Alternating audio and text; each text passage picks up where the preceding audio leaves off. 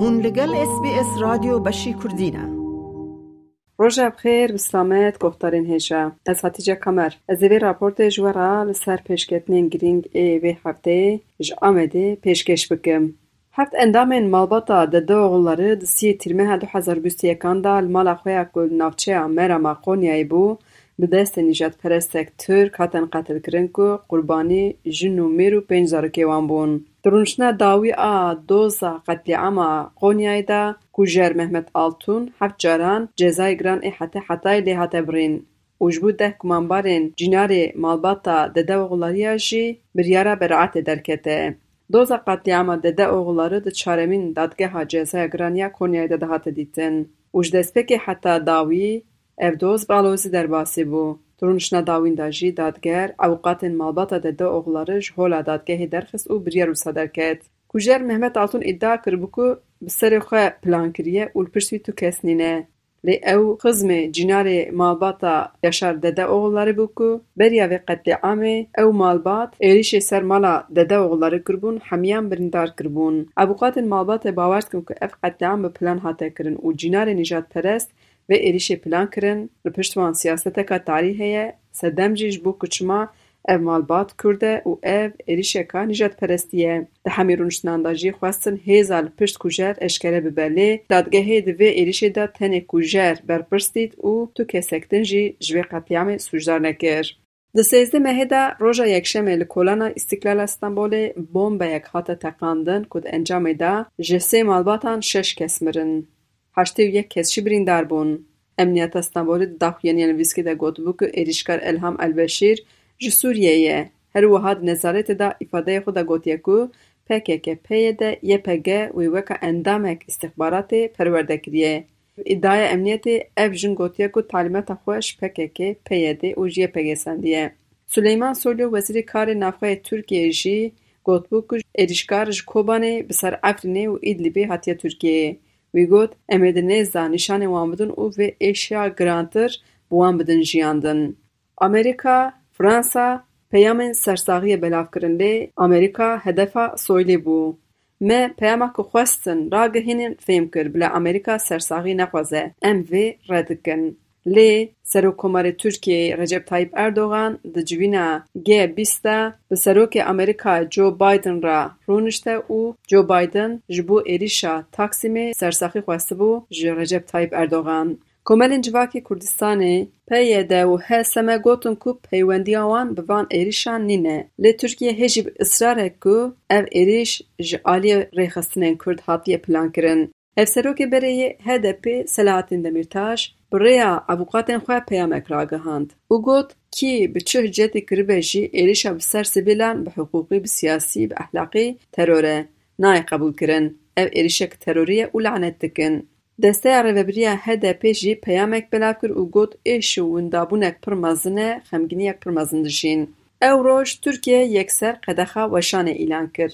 Pişt re jî înternetê giran kir. Tevgera Netblocks ku راگهینا انترنتا جیهانی دشوپینه دست نشان کرد ترکیه مدیا جواکی استن کریه. سازی راگهاندنا تکنولوژیا زانیاری داخوین یک بلا کر او گوت جبو که دیمنین جیه تقینه نیم بلا فکرن باندا انترنت گران کرنه جخوه همان روش ترکیه انترنت استن کر گله کس سر ویپنه انترنت بکار آنین که یک جوان جی سروکی پارتیا دوائی محمد علی بابا جان پروژه پشمی تیویژن اکو بمب دانی استقلال چلو هشت کس سوق عدلیه کرن و افاده ها تسندن.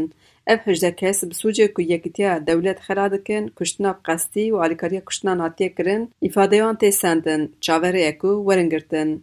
لگوری هن مال پران، ال بشیر دی دوزگریه دی افاده خودا گوتیه احمد و امر جرکاس دو و علیکاریا ویکرنه. اندام اکو ناوی بلال جی بومبه جوان را آنیه. و پاش جی Ahmed û Ömer Bilal birine sînorê Edirneyê. Digel ku PYD YPG li dijî derket êrişê şermezar kir, ragihandina Tirkiyeyê Wezareta Navxwe bi îsrar îdia dike ku ev êriş ji aliyê PYD û YPG tevgerek nû ad nav wan de ku jê re dibêjin ên ji Sûriyeyê hatiye plankirin. Li gorî îdaya hin ajansan, Elbeşîr talîmata bombeyê ji zilamek ku navê wî Hecî sendiye. Dema ku çiye li ser bankê pakêta bombeyê daniye jî endamek din jî fotografiyê girtiye. Li gorî malpera T24 hate gotin ku Elbeşîr roja ku bombayê biteqîne telefonê zilamek kiriye ku navê wî Mehmet Emîn İlhan e. Bi vî navê du kes hene, yek jî parlamenterê Bereyê agiriyê ye, êdin jî serokê MHP navçeya Basa a Şirnexê Mehmet Emîn İlhan e. İlhan iddia dike hin kes li ser navê çûne xeta telefonê derxistine li navçeya Cizîrê. Mehmet Emîn İlhan جمالباتک خورجیه و باوی جیش آلی پکه که هاتیه کشتن و وی داخوین یک دا کو لدسر وی پلانک هاتیه کرن دخوازن وی تیخن ناف کمینی جی آلی ریخسنا تروره ولایت شنخه جی داخوین یک نویسکی بلاب کر پشت راس کر کو تلفون لسر ناوی ایلهان هاتیه درخسن لیو رین در قانونی و او بایا کود خطا تلفون درخستیه هاتیه گرتن.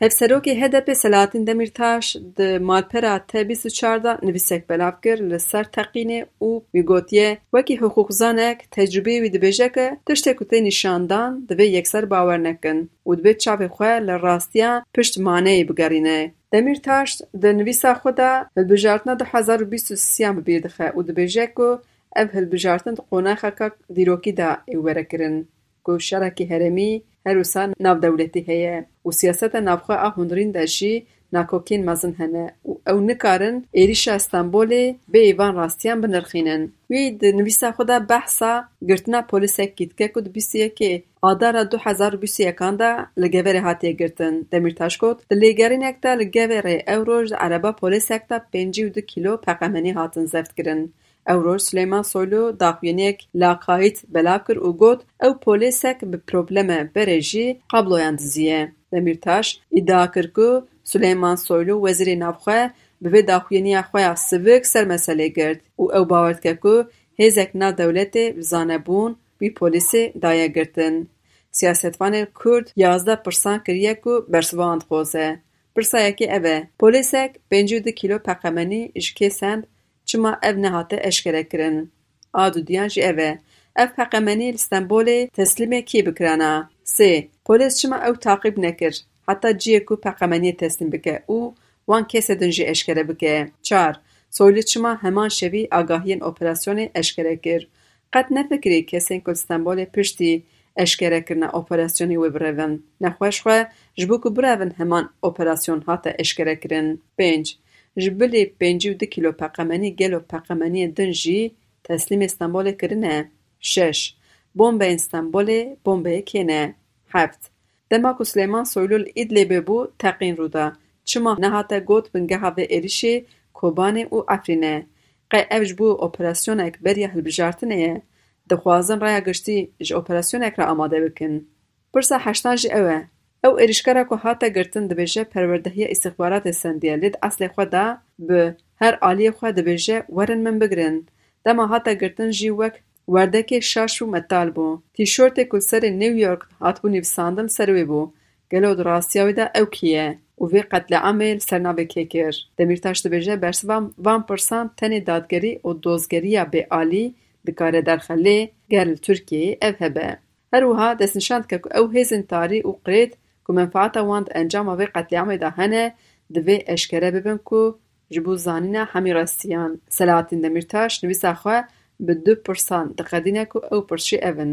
Êrişkar bêyê ku ji nav dewletê alîkarî bistîne di navenda Îstiklalê de çawa dikare qetleamek wehşî pêk bîne. Yazde. Serokkomar Erdogan jî جبو سبروج نبجا ام دي سهاتن خاباندن بيدبي بنيرينا او و ريگزو دما دبینه، اريشي دبينا ان داخلياني انكو حاتنا داین جبو يبي بسه از جا كامر مبي راپورتي جو آمدي لسر گشدان داوي جوارا پشكش كر